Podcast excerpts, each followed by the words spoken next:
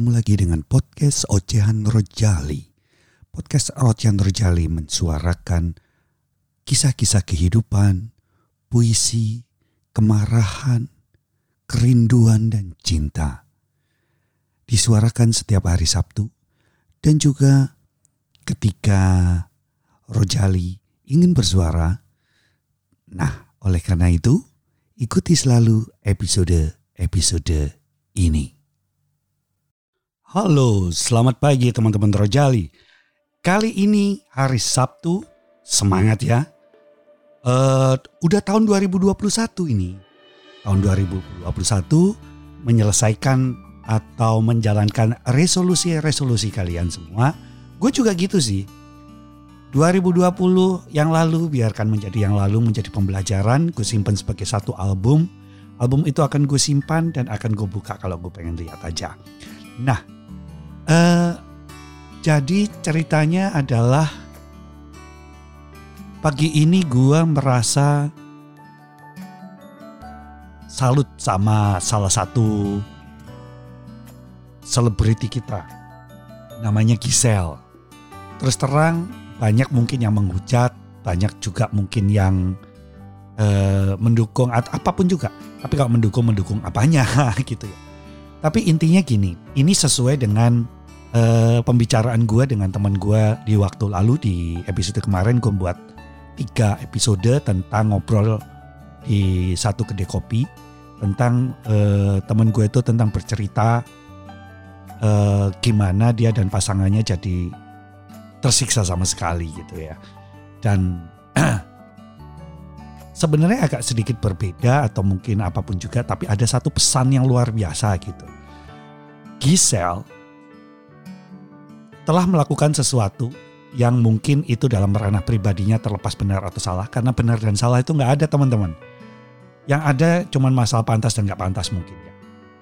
Nah itu juga mungkin di luar kontrolnya sehingga itu terjadi.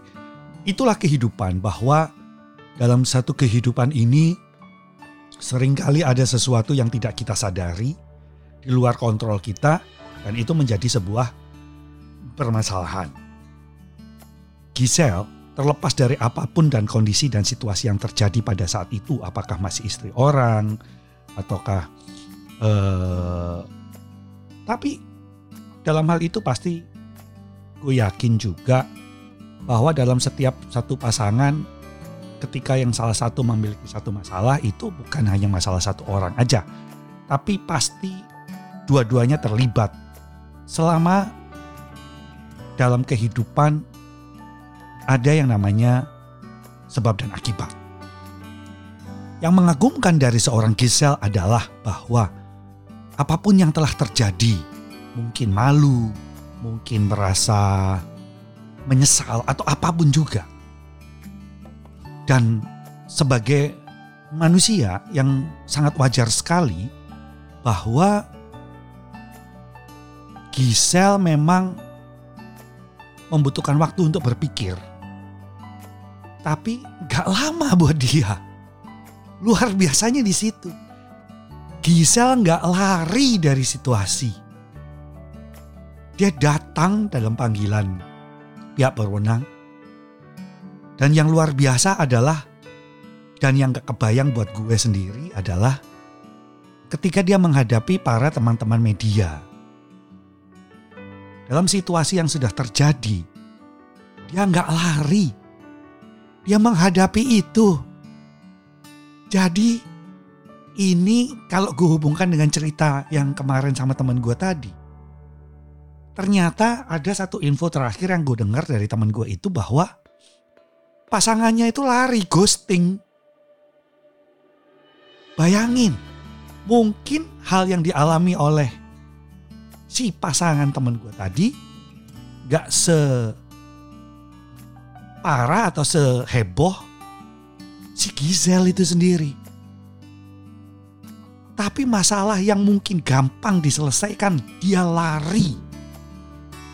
Tapi seorang Gisel yang mewakili generasi muda zaman sekarang, dia memberikan satu inspirasi bahwa dia tidak lari dari kenyataan. Dia menghadapi kenyataan itu. Dan apa yang terjadi?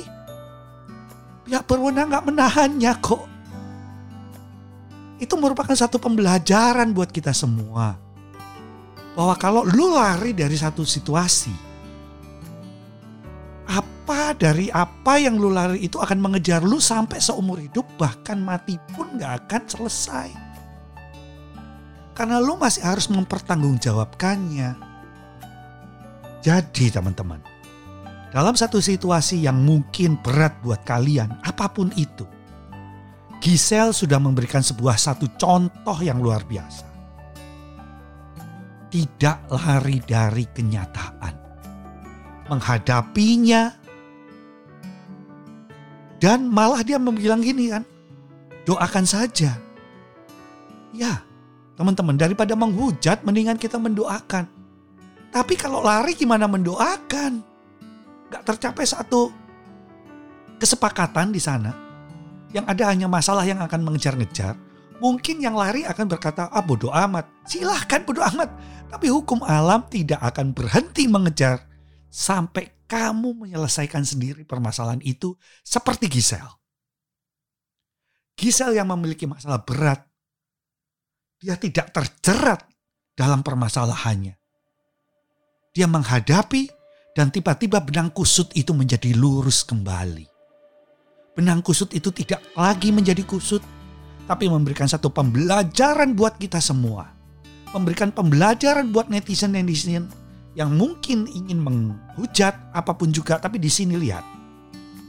Seseorang bisa menjadi satu contoh. Tidak lari dari kenyataan. Jadi apa yang ingin Rojali sampaikan adalah, hei teman-teman yang kau lari dari permasalahan, kau ingin bersembunyi dari permasalahan, kabur dengan berbagai alasan yang kau buat-buat. Tapi rusaklah, apalah. Emangnya itu akan membebaskan kamu dari masalah benang kusut itu? Lu mengundang karma, teman-teman. Jadi, jangan pernah lari. Sebab karma ketika itu dihadapi dengan baik, karma itu tidak akan menjadi satu karma buruk, tapi akan menjadi satu pembelajaran yang sangat bermanfaat buat kita semua. Sekali lagi, teman-teman Rojali, di hari Sabtu yang luar biasa ini, yang cerah dalam tahun 2021, di menghadapi tahun kerbau katanya ya, bahwa kita akan menghadapi resolusi-resolusi kita dengan menghadapi permasalahannya dengan tangguh dan menyelesaikannya. Dan kalaupun kita tidak sanggup menyelesaikannya, lihat peristiwa si Gisel. Dia nggak ditahan kok. Dia diberikan satu pembelajaran yang menjadi inspirasi buat kita semua, terutama kaum muda Indonesia. Kaum milenial yang berpikir pendek, keluarlah kau dari berpikir pendekmu itu. Jangan lari. Jangan yang lari itu cuma maling.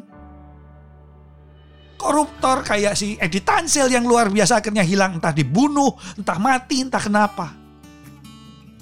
Generasi muda, generasi milenial milenial. Milenial. Aduh gue saking bersemangatnya nih teman-teman sampai ngomong bercucul-cucul.